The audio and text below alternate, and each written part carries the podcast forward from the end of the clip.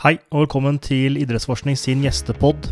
I dag så er det gutta fra den sosiale kontoen Helse og prestasjon, Markus Haugen og Stian Larsen, som skal ta over denne episoden. Markus jobber som online-coach, foredragsholder og forsker, og er lidenskapelig opptatt av trening og ernæring. Og med seg så har han Stian Larsen, tidligere gjest og bidragsyter, som er da doktorgradsstipendiat og daglig leder for Care treningssenter. Og alle som fikk med seg episode 50, eh, fikk også med seg hvor, hvor kunnskapsrik Stian er. Temaet for denne episoden vil være øvelsen knebøy, der de tar for seg både akutte variabler, men også mer langtidsendringer eh, hvis man utfører denne øvelsen over tid, som muskelstyrke og muskelvekst. Så trener du knebøy, eller har planer om å trene knebøy, så er dette episoden for deg. Og med det så ønsker jeg deg en god lytting.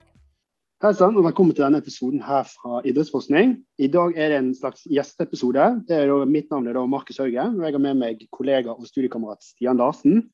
Dagens tema det er rett og slett da knebøy. og Vi kan starte med at Stian presenterer seg sjøl litt. Ja, hei Markus.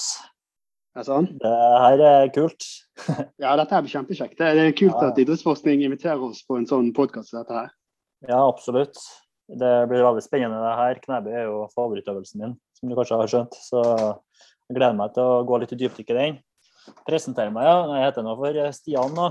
Vi er nå eh, kollegaer i helse og prestasjon, så jeg jobber jo som online styrkeløftetrener der sammen med deg. Mm. Eh, har jo drevet en del med styrkeløft tidligere og konkurrert i det. Ikke på et veldig høyt nivå, for jeg visste ikke hva jeg holdt på med, så jeg ble aldri sterk. Men jeg har blitt litt, eh, litt sterkere etter jeg slutta å konkurrere, da, så jeg burde jo være med på NM nå. Så jeg trener, trener litt eh, styrkeløft og litt eh, hobbykroppsbygging for å, for å få store muskler. da. Utenom det så driver jeg jo en treningskjede da, som heter For Care. Vi har rundt 3000 medlemmer og 50 ansatte. Så mye av tida mi går der. Og så har jeg en mastergrad i kroppsøving og idrettsvitenskap, hvor jeg har dypdykka en del i biomekanikk, da, spesielt i knebøy. Jeg har eh, publisert ni studier, ni fagfellesvurderte studier, hvor eh, jeg tror seks av dem omhandler knebøy. Da, så det er liksom øvelsen jeg syns er mest interessant å forske på. Uh, ja. Så utenom det så holder jeg på å skrive en doktorgrad om knebøy. Eh, hvor eh, jeg tar det litt videre. Da. Jeg har jo brukt noe som heter for inverse dynamics-analyser for å egentlig bruke bevegelsesdataene i tillegg til bakkereaksjonsvektoren for å kalkulere dreiemomenter eller rotasjonelle krefter på leddene. Men nå holder jeg på å videreutvikle det med skikkelige muskelmodelleringer gjennom et dansk analyseprogram som heter for Anybody på doktorgraden. Så jeg starta med det nå. Ja, så jobber jeg som, jeg nettopp starta som foreleser i Akademiet for personlig trening. Starta i forrige måned. Så holder på å lage videre utdanning for PT der som heter for Strength Coach, nå sammen med en veldig flott gjeng på FPT.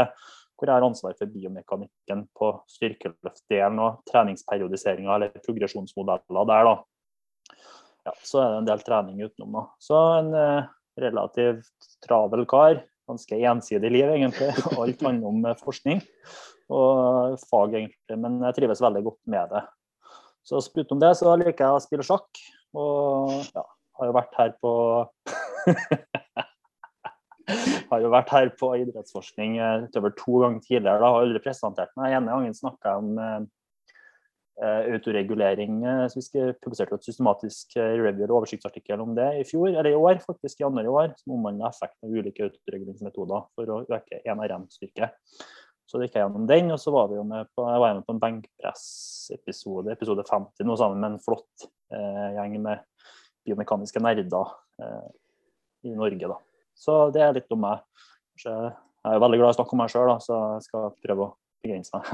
Enn du, Markus? Kan ikke du snakke litt om deg sjøl? Jo, jeg kan ta det ganske kort. Jeg er ikke like interessant som det du er, da. Men eh, vi studerer nå på samme universitet. Jeg holder på med masteren min i idrettsvitenskap. Der jeg forsker på eh, koffein og citrolinmalat. Og den effekten dette her har på maksimal styrke, muskulær utholdenhet og kraftutvikling. da. Utenom det så har jeg vært med og publisert to artikler. En med deg på knebøy, og en med et par andre på universitetet. Der vi har sett litt på retning, er retningsforandringer sånt i fotball og akselerasjon i fotball. Utenom det så jobber jeg i helse og prestasjon med deg og Emil Løvengren. Der driver jeg med online-coaching, foredrag og ting som er relatert til trening og ernæring der. Utenom det har jeg en podkast med Juma Iraki der vi snakker litt om eh, trening og ernæring for muskelvekst. Og ellers så går livet egentlig på. Lese om trening, trene litt sjøl. Har aldri konkurrert i noe da, men eh, kan kalle meg en ganske mislykket kroppsbygger. da. Seks økter i uken og ikke nært å kunne konkurrere, men det er sånn det skal være.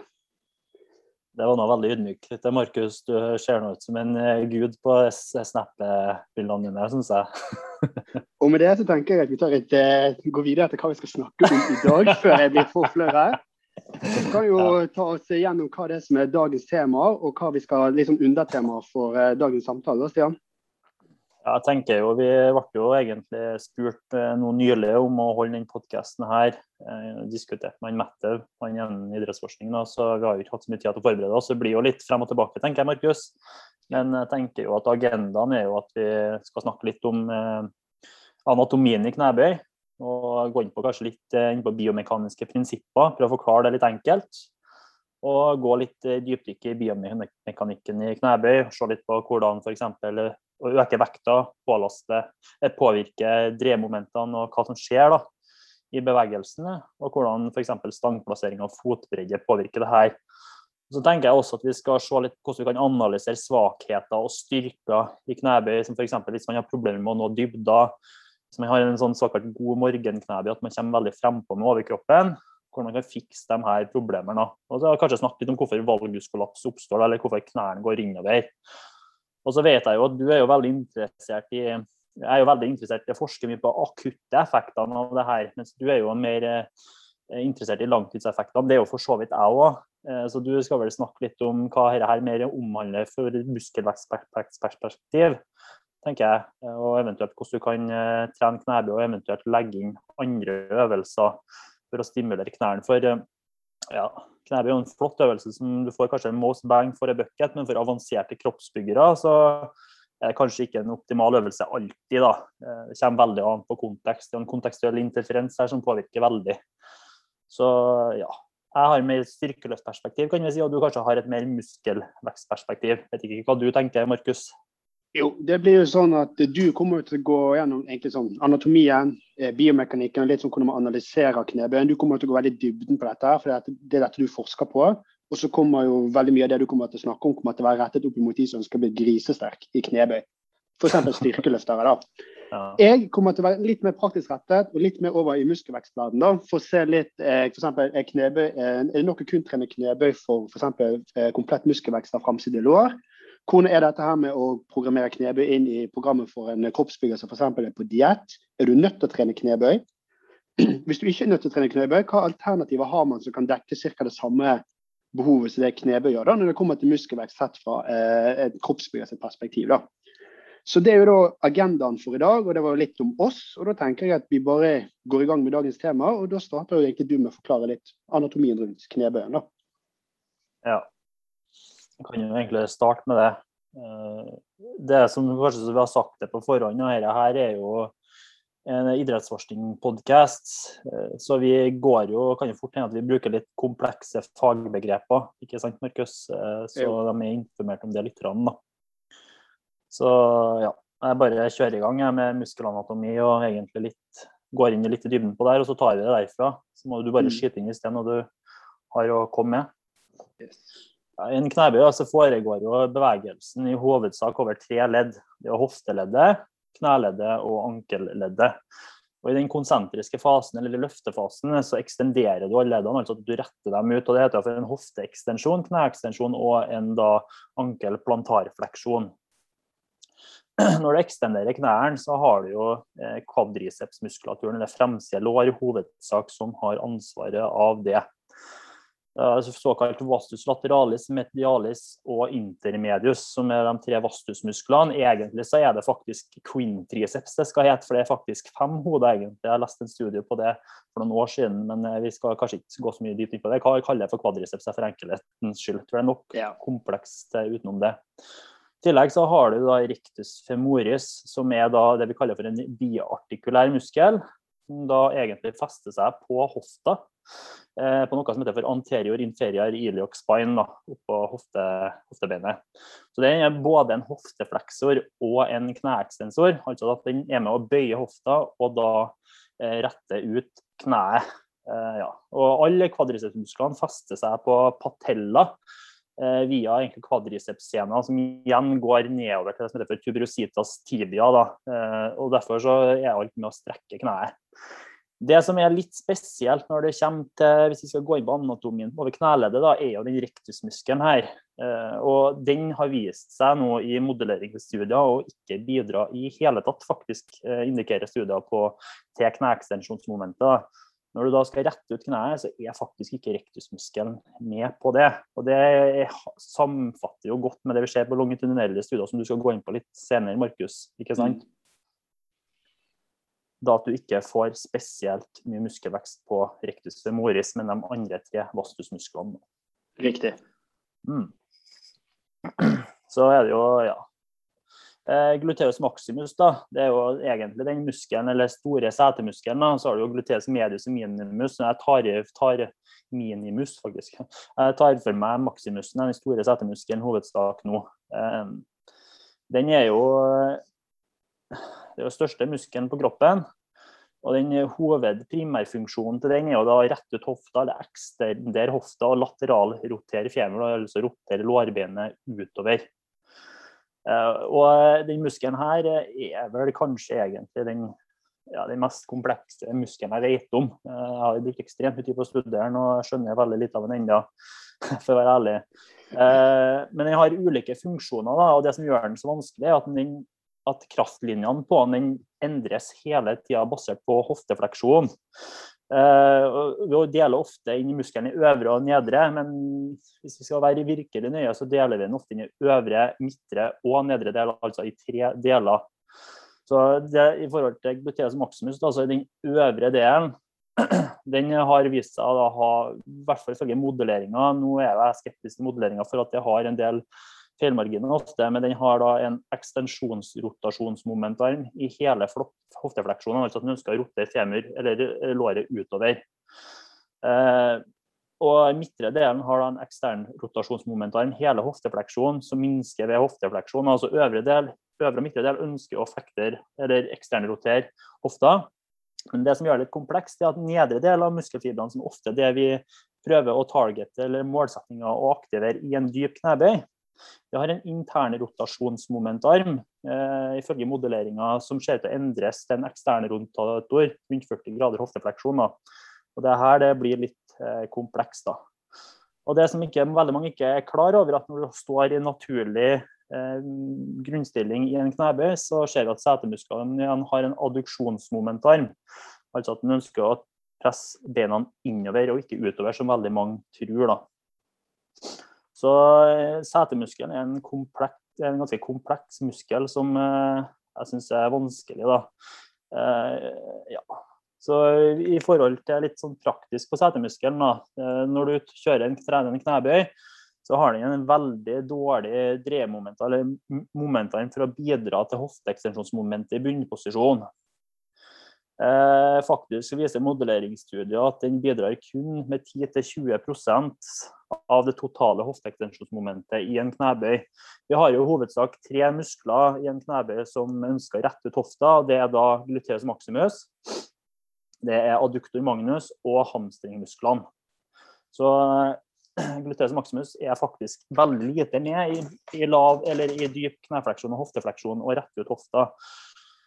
Og Der kommer vi egentlig inn på den viktigste hofteekstensoren i en knebøy som veldig mange ikke er klar over, og det er det som heter for adduktor magnus. Adduktor magnus er jo en del av lyskemuskulaturen, eh, og den største og mest fremtredende av lyskemusklene. Adduktor magnus deler det opp i en adduktordel og en hamstringdel. Det er litt sånn ut, ulike utspring på en, det skal ikke jeg gå så dypt i. Men eh, i hvert fall adduktordelen Eh, den har i hovedsak som hensikt å addusere hofta, altså eh, at benet går innover. Men det er ekstensordelen vi synes er mest interessant. Eh, og Det vi ser faktisk i forhold til adduktor magnus, da, det er at den har størst, har mesteparten av ansvaret for å rette ut hofta i hele knebevegelsene, uavhengig av hoftefleksjonsgrad. Og den har faktisk også en større ekstensjonsmomentarm i hele bevegelsen kontra gluteus maximus, uavhengig av hvor du er. Eh, F.eks. anatomisk grunnstilling, da, når eh, hofta er ekstendert og retta ut, så vet vi at hamstringdelen til adduktor magnus har, i hvert fall ifølge modelleringa, dette er jo individuelt, men har i snitt eh, en momentarm på 5,8 mm, mens gluteus maximus har 4,6 mm. Og for praktisk betyr jo dette her at den er ekstremt viktig for å rette ut da hofteleddet. Så har vi jo den andre viktige, tredje viktige hofteekstensoren, og det er da hamstringen. Eh, hamstringen består jo da av biceps femoris, semitendinosus og semimembranosus. Biceps femoris har to hoder, men det er det lange hodet vi hovedsett snakker om. da. Hensikten til, rett og slett til hamstringen det er to ting. Det er da å bøye eller flektere kneet og flektere kneet, og da ekstendere hofta. Eh, det er jo ganske enkelt forklart med at eh, hamstringmusklene har eh, da fester eh, utspringet sitt faktisk eh, på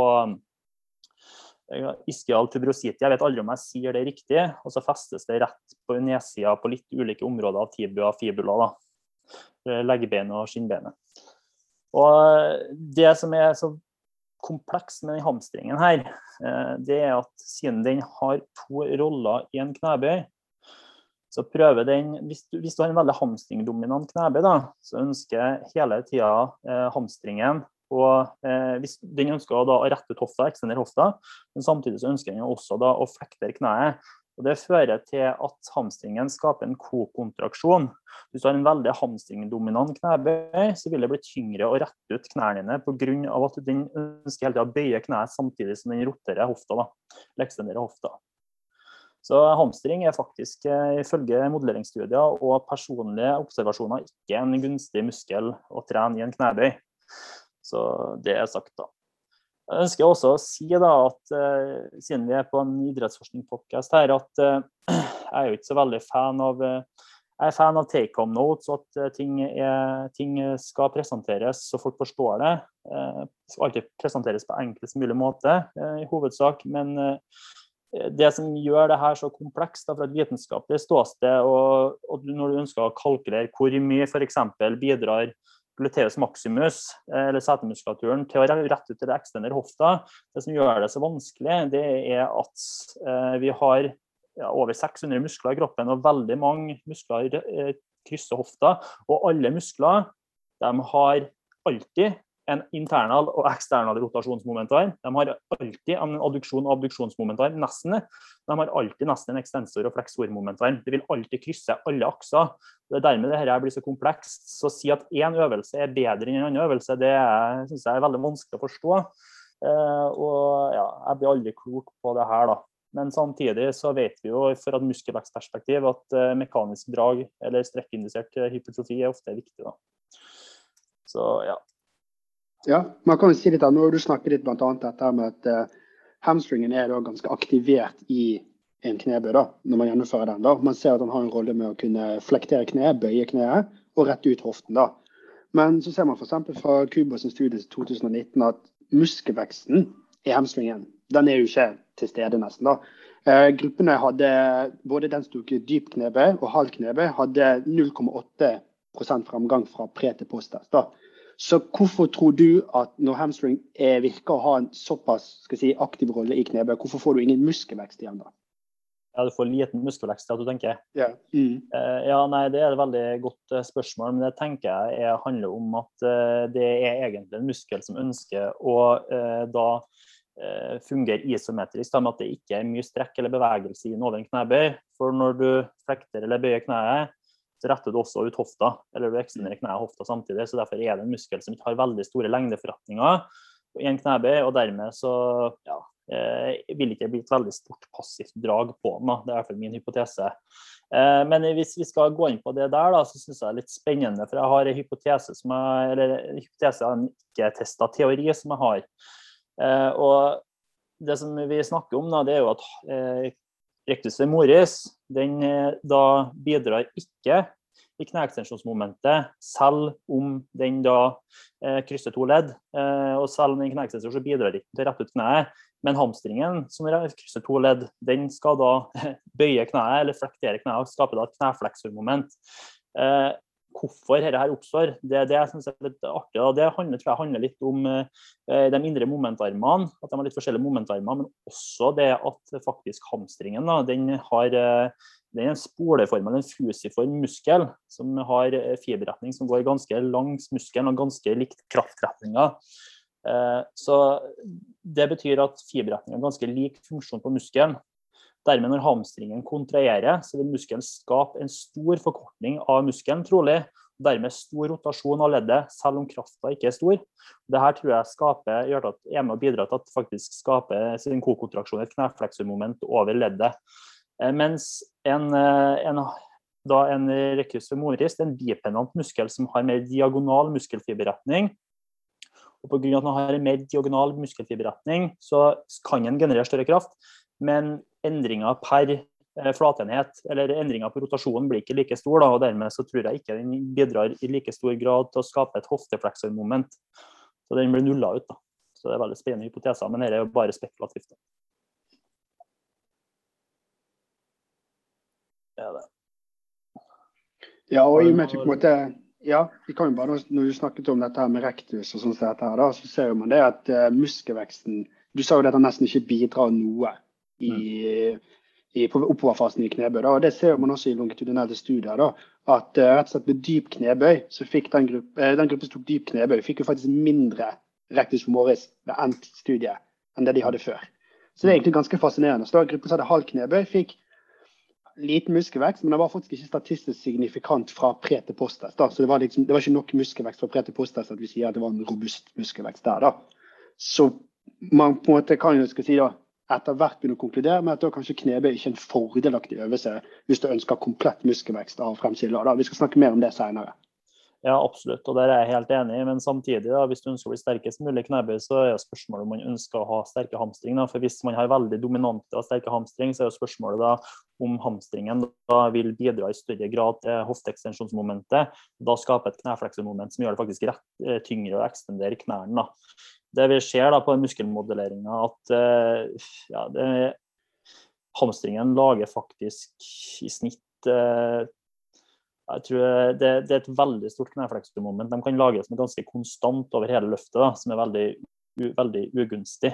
Eh, Så veldig, det, det, er jo bare spekulasjoner, men det å ha en sterk hamstring i knebøy, det er jeg kanskje, kanskje, litt skeptisk til. Da. Samtidig så det, fra et praktisk perspektiv, da, når vi er inne på anatomien her, så, og litt fra et biomekanisk perspektiv, så ser vi jo at uh, når du øker vekta i en knebøy fra 50 til 90% så øker, eh, reduseres bidraget fra duktor magnus til hofteekstensjonsmomentet ganske drastisk. Og eh, bidraget fra hamstringen øker ganske drastisk. Altså det er en trade-off her. Setemuskulaturen er veldig lik når det kommer til å bidra til hofteekstensjonsmomentet, men adduktor magnus blir mindre aktiv når du øker vekta, og da eh, hamstringen blir mer aktiv. Og det her tror jeg handler om at du typisk får en mer gjennomsnittlig folk som jeg har sett på alle mine observasjoner, kommer mer frempå og får en mer stripper squat-aktig knebøy ofte når man utfører en knebøy. og Da tror jeg kanskje at eh, hamstringen får litt mer spenninger, som gjør at den bidrar enda mer hofteekstensjonsmoment. Så det å ha en sterk hamstring, ja. Men jeg tror det å ha en sterk setemuskulatur og en sterk adduktor magnus er veldig gunstig i en knebøy. Ja, da kan jeg bare prøve meg på ditt spørsmål. Altså, personer som ønsker å bli veldig veldig sterke i knebøy, kan det da være litt kontraproduktivt å trene seg opp til å få en ganske sterk hamstringmuskulatur? Det, det tror jeg. Eh, vi tenker, tenker, jo, tenker, jo, etter at vi kanskje skal gå litt mer inn på man kan, når man analyserer svakheter og styrker, hvordan man skal trene. For Det er veldig mm. sånn individuelt basert på folkene sine styrker. Men ja, jeg tror det kan være litt kontraproduktivt å være ekstremt dominant og sterk i hamstring. Jeg vet, om, jeg vet, ikke om det nødvendigvis er en ulempe å være sterk i hamstring, men å ha en organisering, eller selvorganisering, at du da løser bevegelsesbanen i en knebøy, at du setter deg mye bakpå som gjør at du får stor tensjon eller spenning i hamstring, som gjør at hamstringen bidrar det tror jeg gjør det veldig ugunstig for knesensorene og fort kan føre til at du kommer veldig frempå en knebøy. pga. at knærne klarer ikke å eh, motsi knefleksormomentet fra hamstringen i tillegg til gravitasjonen, som gjør at det blir umulig å komme seg opp. Mm. Jeg tror det, det, det, er ikke et lett svar på det her, men det er min spekulasjon.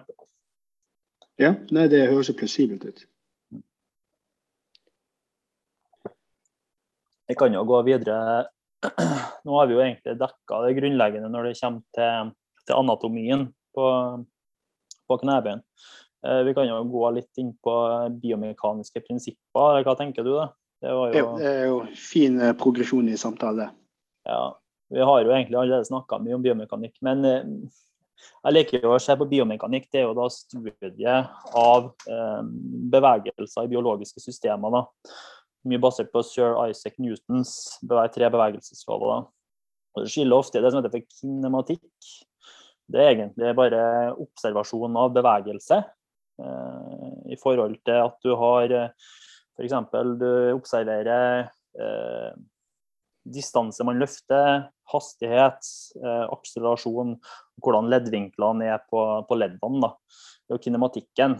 Eh, og så har du kinetikken, som er studiet av krefter som forårsaker kinematikken. Da. Du har jo det som Du skiller jo i lineære og rotasjonelle bevegelser, eller linear versus angular motions på engelsk. Og en lineær bevegelse er da rett og slett en lineær bevegelse. F.eks. Eh, at du, du, finner ut hvor langt stanga går i en knebøy. Det er da en lineær bevegelse, displacement eller distanse man løfter på stanga. Det er, eksempel, det er eksempel på en lineær kinematisk variabel. Da. Mens eh, leddrotasjoner, eh, det er da angular motions. Da. Og da har vi jo ofte vi analyserer da, i knebøy, det er jo displacement på engelsk. Jeg snakker veldig mye engelsk, det er egentlig alt foregår på engelsk. Men eh, jeg skal oversette norsk. Det handler da om stangplassering. Hvor langt går stanga fra A til Å? F.eks. hvor langt ned er stanga i dybden på en knebøy, i full dybde på en knebøy, og hvor langt går den til du har retta ut eller ekstendert leddene. Så har du stanghastighet, og det handler om hvor eh, raskt stanga beveger seg. Da.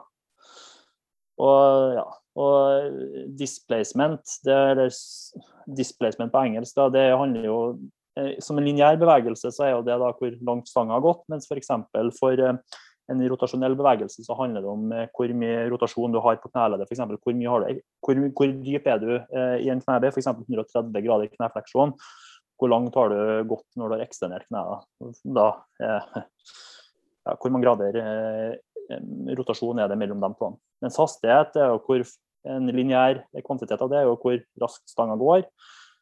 Eh, mens eh, rotasjonell hastighet kan jo være hvor raskt leddene dine ekstenderer.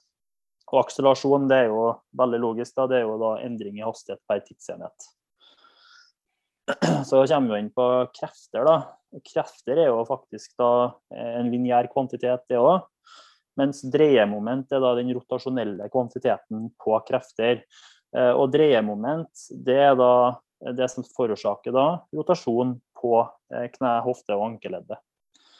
Og Det er da en vektorkvantitet. Vi skylder jo da vektor- og skalarkvantiteter, hvor vektorkvantiteter har en størrelse og en retning, mens skalar kun har en størrelse. da.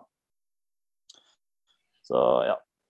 Og jeg vet ikke, skal vi, hva tenker du, skal vi dypdykke Newtons tre lover, eller skal vi droppe det? Du kan jo nevne det veldig raskt, da. Ja, egentlig når du omhandler, når du analyserer bevegelser, så er det jo mekanikken er jo mye basert på sir Isaac Newtons tre bevegelseslover. Og eh, Lov 1 den omhandler da, det er jo treghetsloven.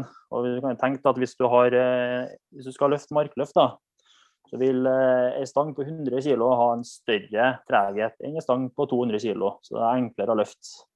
Og det, og det, forklares igjen med Newtons andre lov, da, som at akselerasjonen til et lege er direkte proporsjonal med resultantkraften som virker på legemet, og da rett og slett omvendt proporsjonal med legemets masse. Veldig fancy måte å si det på. at uh, forhold til at Formen her er da kraft, kraft er ikke masse ganger akselerasjon. Uh, så ja, hvis du skal akselerere da en eh, stang på 200 kg, så må du da ha en større kraft eller en større akselerasjon for å få generert eh, kraft, da, eller få løfta opp den. Og Så har du jo da Newtons tredje lov, og det omhandler egentlig at når du skal løfte den stanga på 200 kg, Så har du beina planta i jorda så, og du begynner å løfte, så vil du da generere kraft ned mot bakken. Da vil også bakken generere kraft som er retta mot deg. da. Så Newtons første lov forklarer da tregheten til stanga. Newtons andre lov forklarer da kraft eller masse ganger akselerasjon, eller hvordan du klarer å løfte stanga. Newtons tredje lov forklarer kraft mot kraft. At for hver kraft du genererer, så vil motsatt retta og like stor kraft genereres i motsatt retning. Mm. Så ja, Det er litt uh, komplekst å forklare. Jeg er ikke så vant til å snakke om det muntlig. Jeg skriver bare om det som regel. Så. Dremoment har vi jo snakka om, da, rotasjonelle komponenten til kraft. Så det er da kraft lik, eh, eller dremoment er kraft ganger arm. da. Kraft ganger momentarm. Og momentarm er da korteste distanse fra eh, krafta som genereres ut fra bakken. Da. Ja. Så har vi ja. det, vi skiller jo da indre og ytre momentarmer. Og indre momentarmer er jo da distanse fra muskelkrafta som genereres, til Eh, rotasjonelle aksen, da, som da er, er leddene. Eh, ja. Og har du stor indre momentarm, så er det veldig gunstig for å generere mye kraft. da. For her så har du et perfekt eksempel som er patellasena over kneleddet. Den gjør det at eh, siden da kvadricepsmusklene er festa i patellasena, og den igjen er festa til tuberositas tibia, så får du et større dreiemomentarm eh, på kvadricepsena, som gjør at du kan generere mer krefter for en som da ikke har patellene. Så det er veldig, veldig gunstig. Ja. Og en eksternal momentarm da er jo da stanga eh, Du har vinkelrett distanse fra eksternal vekt på stanga og kroppsmassen til eller da center of mass eller center of gravity til eh, den rotasjonelle aksen da, som er hofte, kne og ankeleddet. Har du da større eksternal momentarm, så må du da eh, generere mer kraft for å overkomme det ytre dreiemomentet. Mm. Nei, nå tenker jeg Vi har fått en ganske god innføring i dette med knebemuskler som arbeider og eh, eh, biomekanikk rundt det. da. Eh, det som er et sånn typisk spørsmål som veldig mange stiller oss da, som jobber med, som personlig trener, sånn sett, er hva bør man velge av f.eks. high bar og low bar? Hvordan påvirker high bar og low bar muskelbruken? da? Så jeg vet ikke om du har lyst til å ta en liten intro der da, på dette med og gjerne fotplassering også. Skal man stå smalt, skal man stå bredt? Hva tenker du rundt det? Ja, Det kommer jo veldig an på individuelle karakteristikker, egentlig. da. Eh, hvordan man burde velge en, om man burde velge en high bar eller en low bar. Eh, jeg er veldig fan av Megan Brighton sine tanker på dette. Hun er en veldig anerkjent biomekaniker som er veldig god på det med knebøy. Eh, og I forhold til om du burde velge en high bar eller en low bar, så handler det egentlig veldig individuelt om hva som er dine individuelle styrker. Eh, så jeg kommer til å si det kommer an på en del. Men spørsmålet hva det kommer an på. da. Eh, typisk for en haibar, da, hvis vi skal gå litt i, eh, i det som omhandler vitenskapen bak det, så er det jo at en, en highbar det kjennetegnes ofte da i at du har en dypere knefleksjon. Du har en mer oppreist posisjon og gjerne da en litt større, eh, større knefleksjon. At du har litt lengre range of motion på knærne dine. Eh, mens en low bar kjennetegnes ofte med at du står litt bredere du har stanga lenger ned på ryggen, og du kommer litt mer frempå. Ofte så kan man redusere range of motion litt eh, i sagittalplanet, at du får litt mindre ekstensjonsbevegelser basert på det. Eh, så det her eh, påvirker jo leddkinematikken, og leddkinematikken påvirker jo da kreftene og kinetikken i knebøyen. Så det som skjer da, er typisk i en highbar knebøy i bunnposisjon, hvis vi skal analysere løftet fra topp til tå, det er at man har litt større eksternal momentarm på, på kneleddet. Eh, men det som da skjer igjen, det er jo at eh, siden du har større eh, på kneet, så vil det da bør være tyngre for kvadricepsmuskulaturen å rette ut kneet. Og det som ofte typisk skjer for gjennomsnittlig, som vi har basert studiene våre på, da, det er at man da eh, kompenserer med å ekstendere kneet før hofta. Og når man ekstenderer kneet litt for hofta, så vil, så vil, det si at man vil få en større momentarm på hofta. Og da igjen, eh, i en high bar, så vil man da eh, få større belastning på hofta. Da. Så det at man tenker at, eh, at low bar er mer hoftedominant enn en high bar, det, det er det i utgangspunktet hvis du, hvis du har veldig sterke kvadrisesmuskler som klarer å holde deg oppreist. Eh, og her det kommer litt sånn artig da, hvis du skal analysere det som heter muskelstrategier. Jeg er veldig, veldig glad i å Når du skal analysere et løft, så burde du analysere egentlig hva som skjer fra topp til tå. Da. Og det du analyserer, er jo leddkinematikken. Og en highbar, da, som sagt, så har du tyngdepunktet lengre frem, og dermed så er det enklere å holde kroppen, overkroppen oppreist i, basert på det. da. Eh, det fører som sagt er litt større dreiemoment på knekksensorene. så Dermed om man har svake knekksensorer i highbar og for så vidt frontbøy, så vil personen ekstendere kneet for hofta for å redusere momentarmer til kneet, og dermed la hofta bidra i større grad. Eh, om da hofta igjen blir overarbeida, så vil det overføre, vil det til ryggstrekkerne og trapesius, noe som fører til en fleksjon av ryggsøyla.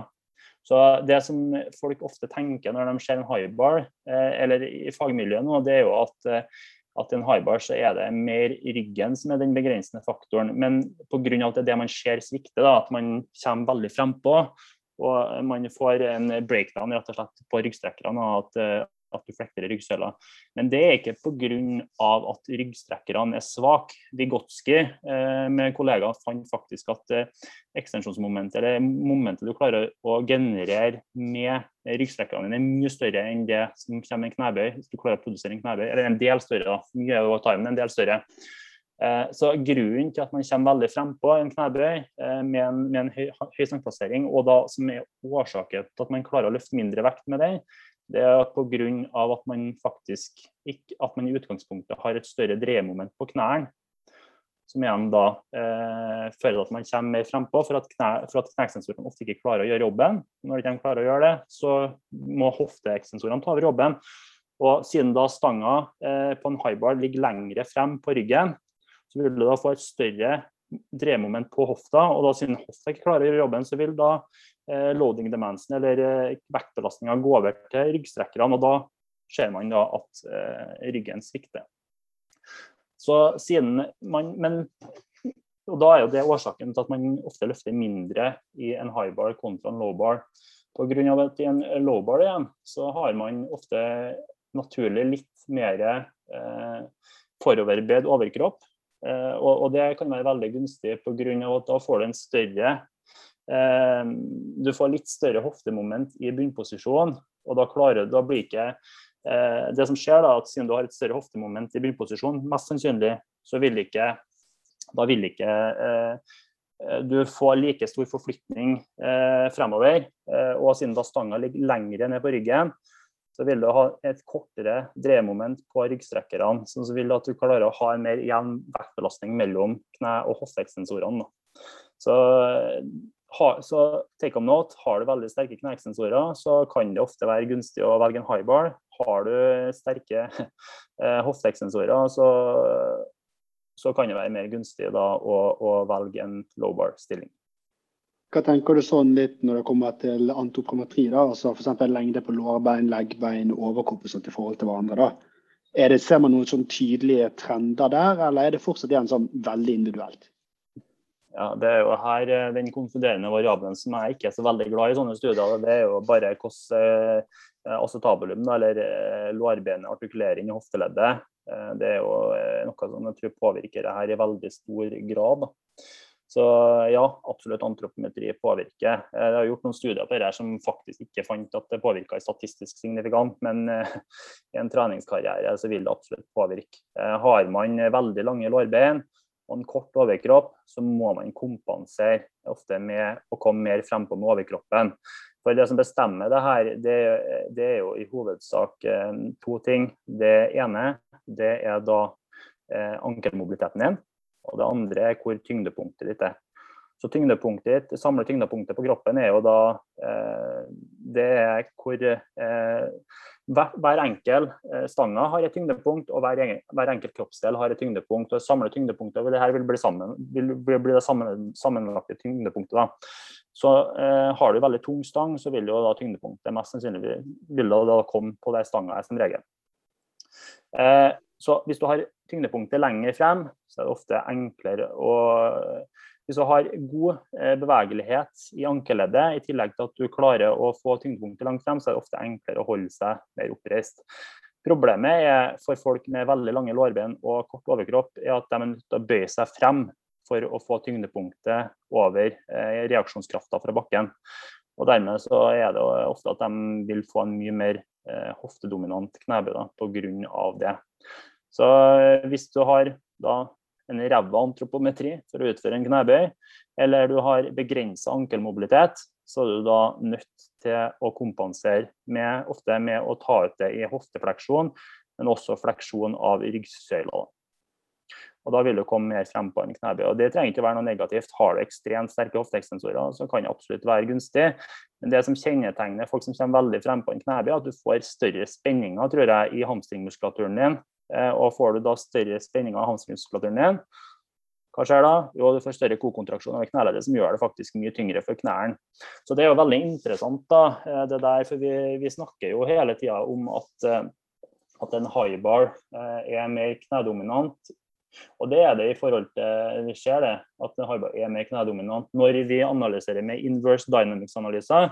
Men med en gang, hvis vi skal gjøre, som jeg skal gjøre på doktorgraden nå, når jeg skal begynne å modellere det her, og se på forskjeller mellom low bar og high bar eh, på dreiemomentet på kneet, når vi legger inn eh, knefleksormomentet fra hamstring, da er jeg ikke sikker på det blir like store forskjeller eh, i dreiemoment. Så Eh, jeg har ikke til noen langtidsstudier som sammenligner high bar og low bar på muskelvekst. Det tror ikke jeg det finnes. Gjør det det? Nei, ikke meg bekjent heller. Så Spørsmålet her er jo da om det er noen forskjeller i realiteten når du drar inn eh, eh, kne, knefleksormomentet.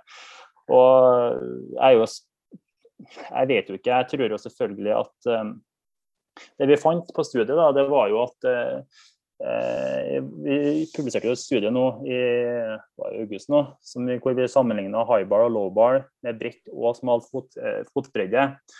Og skal vi se om jeg finner figuren her. Jeg har figuren her, tror jeg.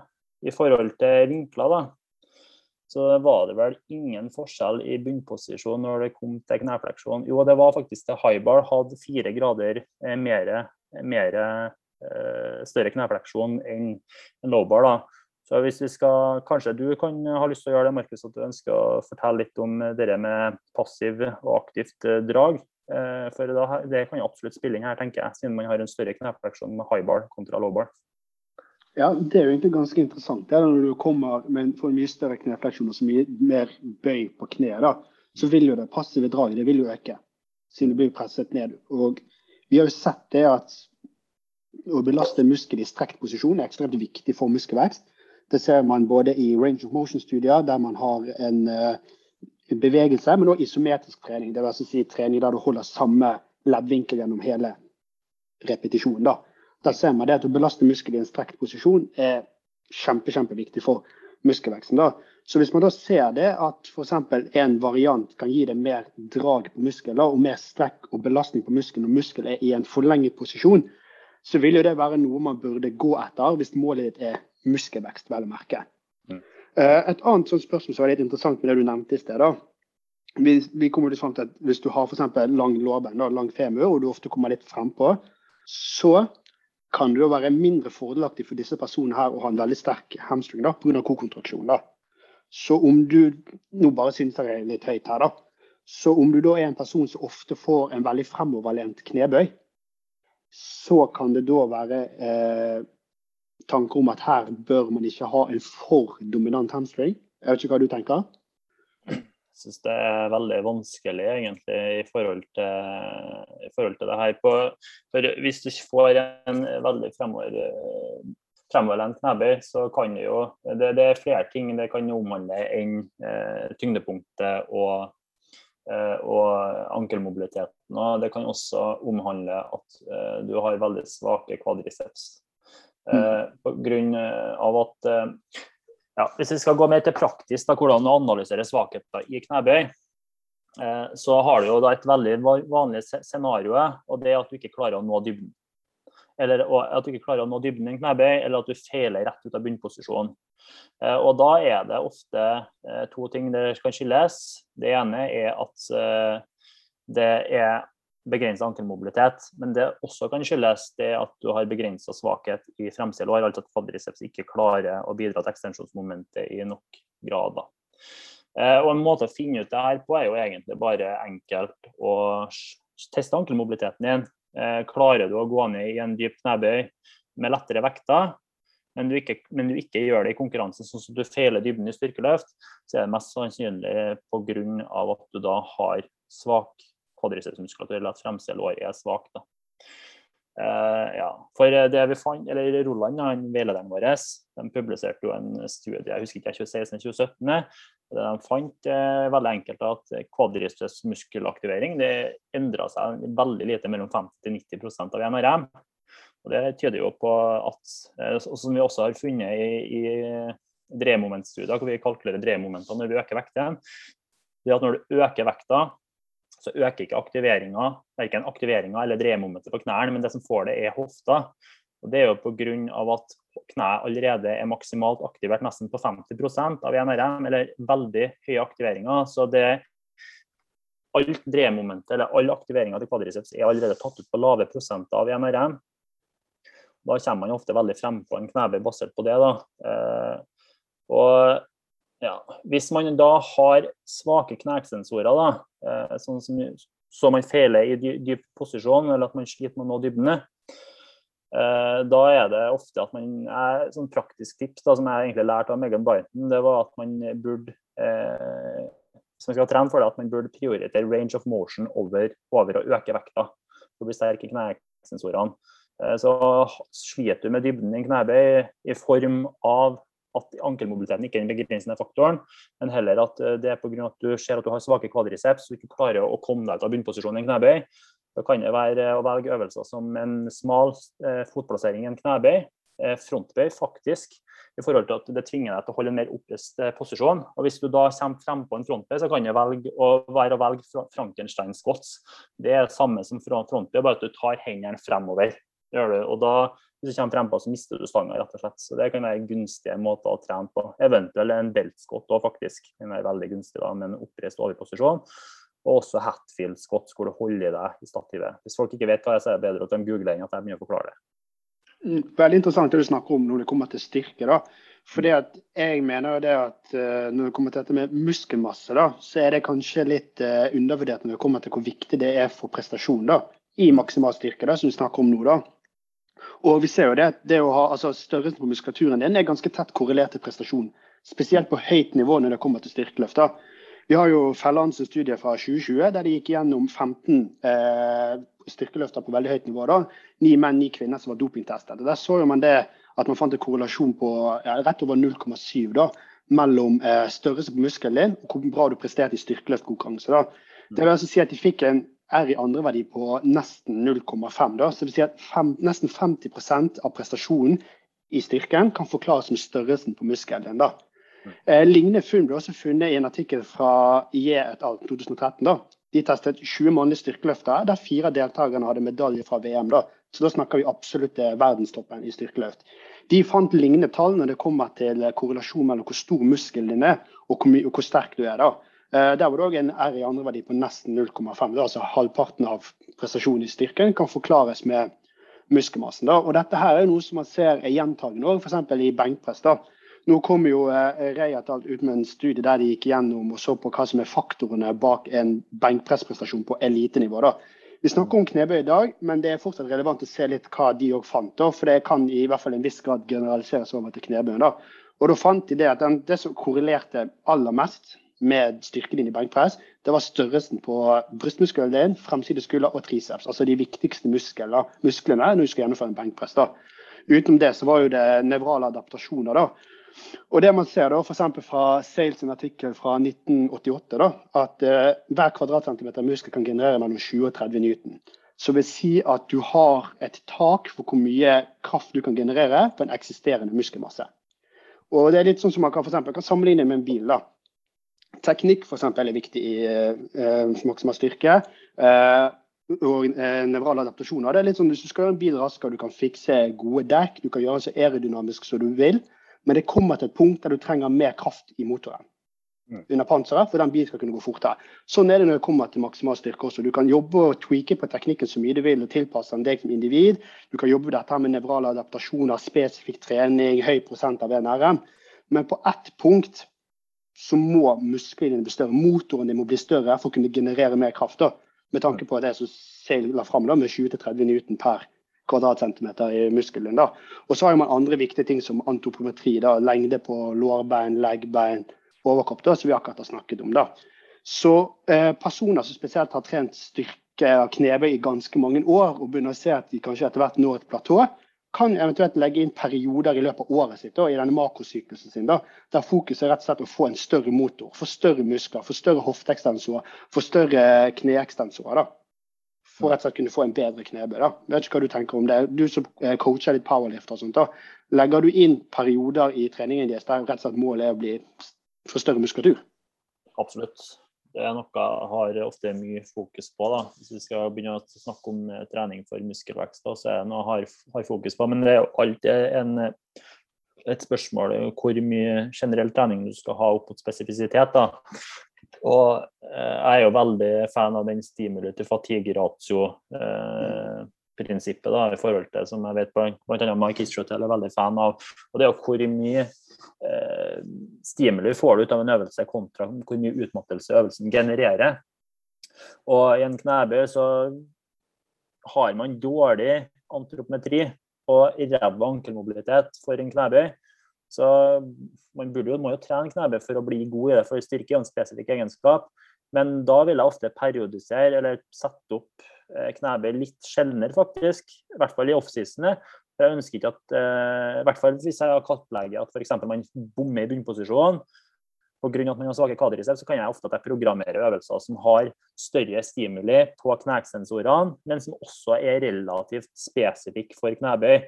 Så da kan det være at jeg f.eks. programmerer en beltspot, for da tar du vekk det problemet med at tyngdepunktet eh, ved at du fjerner eh, momentet på ryggen med at du har et belte som er festa på hofta, f.eks.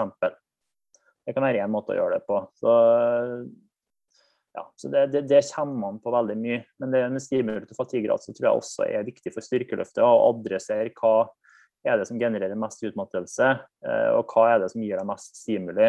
Men så er det jo en trade-off for hvor spesifikt det skal være. Men er man da langt ifra en konkurransefase, det er lenge til man skal konkurrere, så jeg er generelt veldig fan av beltskotten. har blitt desto mer og mer jeg studerer. For jeg tror det gir en ekstremt stor stimuli på knesensorene, som er veldig gunstig.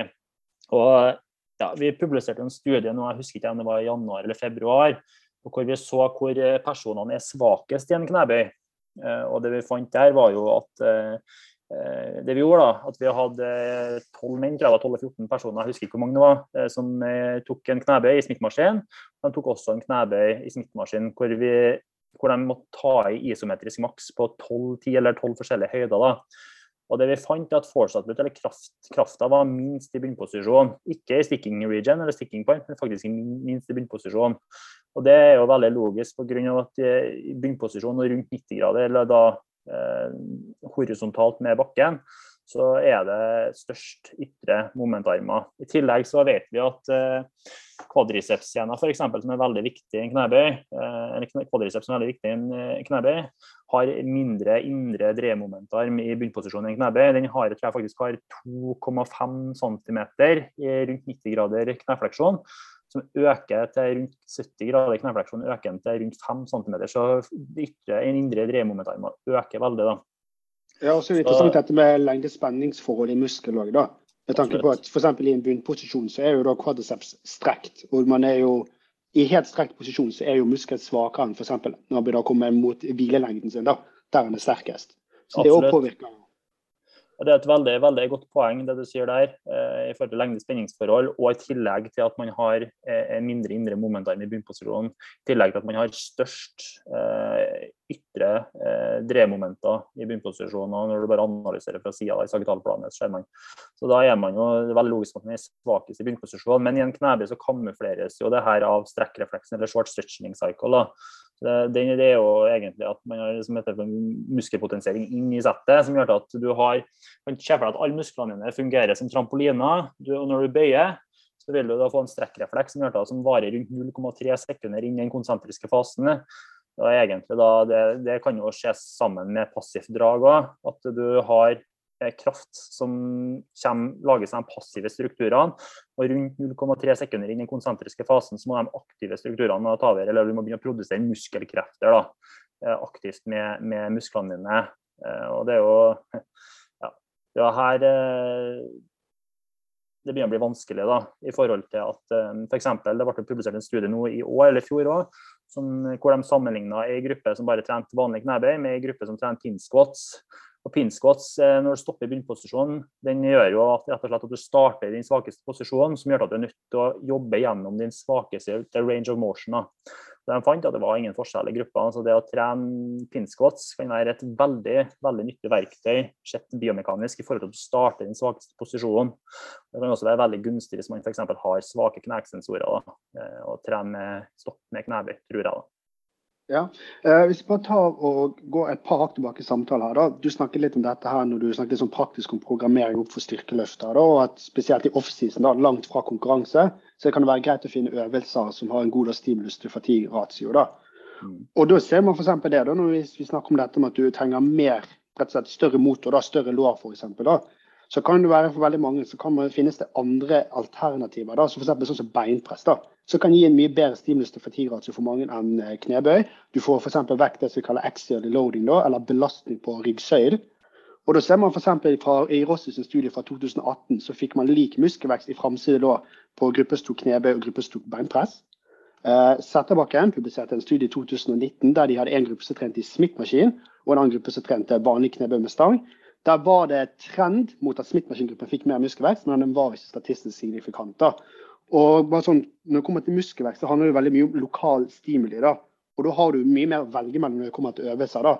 Så da heller plukke litt øvelser som du merker at her får du veldig mye igjen for fatiguen du akkumulerer. For å kunne skape en større motor som kan da hjelpe deg når treningen blir mer spesifikk når du begynner å nærme seg konkurranse, f.eks. Ja, jeg er helt enig i det du sier. Så er jo da spørsmålet hvor eh, mye man skal gå bort fra spesifisiteten i idretten. Da.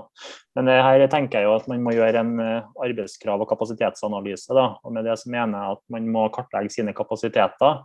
Er veldig, når man gjør en biomekanisk analyse, feiler jeg i bunnposisjon, får jeg en good morning squat med at eh, kneeksensorene rettes ut for hofta, ja, da tyder det på at jeg har svake kneeksensorer. Da burde jeg legge mye av treningene mine i å trene kneeksensorene, da quadriceps. Da.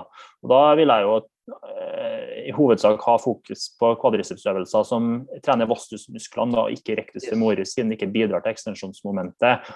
Og Da er det jo å trene øvelser eh, hvor du har en aktiv hoftefleksjon. Eh, da. Har du, for har du utretta hofte, så vil eh, rectus femoris komme i en mer gunstig posisjon til å bidra til kneekstensjonsmomentet, og der vil den trenes da. og Det kan f.eks. være en sissy scott hvor du har ekstendert hofte, eller en leg extension. Men leg extension, som vi vet fra longitudinelle studier, trener også vastusmusklene. Så, ikke sant? så det er en trade-off her. Eh, er det. Men det, det, den trade-offen er vanskelig da. det er vanskelig å mm. diskutere det. Men jeg er fan av å programmere Er man svak i quadriceps, eh, så er jeg fan av å programmere frontbøy. Jeg er fan av å programmere er fan, hvor man hele tida pinsquat hvor man har fokus på å holde overkroppen oppreist og få mm. knærne godt foran tærne. Eh, sånn, så du, sånn som du ser at er knærne som gjør mesteparten av jobben. Jo, hvis, du, hvis du analyserer en løfter som har en veldig oppreist posisjon på maksimal vekt, og som har knærne godt foran tærne over hele løftet, så kan jeg garantere at han er sinnssykt sterk i knesensorene. Har du en løfter som har en annen muskelekstensorstrategi, som f.eks. knærne går skyt tilbake med en gang du begynner å løfte, og han sliter veldig rundt sticking pointet, Eh, så er det tydelig på at den kan være svak i kneekstensorene, og at det er mer hoftedominant ekstensorstrategi. Da. Så da kan det være hofteekstensorene som er mer gunstige. Eller mer da.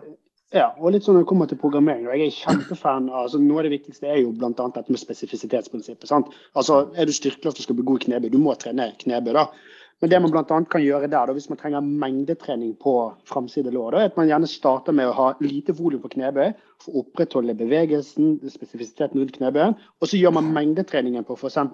en Smith-maskinsquat, en beinpress, en hack-squat, en beltebøy da, for å rett og slett jobbe med maksimal, altså muskelveksten. da, For å ikke for generere for mye fatigue, da, hvis man ser at man har en bedre stimulus-fatigue-ratio på noen av disse andre øvelsene, da, uten at man går helt i vekk fra knebøyen, da, som er hovedmålet med treningen. Da. Så det er veldig viktig å ha dette her med spesifisitetsprinsippet i bakhodet. Da. Og da ofte kan man også bruke dette her som vi kaller frihetsgrader, degrees of freedom. Da. For det at hvilken øvelse har da mest overføring til knebøy av disse alternative øvelsene. Nå må du se litt på bevegelsen som gjøres, hvor lik er den i bevegelsen, hvor mange frihetsgrader har du. For eksempel, en Smith-maskinbøy ser jo relativt lik ut sånn sett, som med første øyekast med vanlig knebøy, men har du like mange frihetsgrader der, da? Da kan f.eks. et alternativ å legge inn der være en safety bar, da. Så vi ser har eh, kunne aktivert framside lår eh, litt mer da, enn det f.eks. Eh, da. Det var jo en studie som vi sammen med Eirik Kristiansen Roland og Eric Hedge publiserte. da. Og Der kan man argumentere for at en safety bar er mer lik en vanlig lowback-knebøy, som de fleste konkurrerer i, en splittmaskinbøy. da, Pga. du har flere altså du har flere frihetsgrader enn safety bar-bøy enn det du har bl.a. i en splittmaskinbøy. da. Og her igjen, Alt handler om hva er svakheten til individet, hva er arbeidskapasiteten til individet, hva må individet jobbe med. da. Så det er på en måte det her kan ikke eh, vitenskapen svare på for deg. Her må du jobbe sjøl med personen du har foran deg. da. Få med deg del to av denne gjesteboden ved å trykke på neste episode.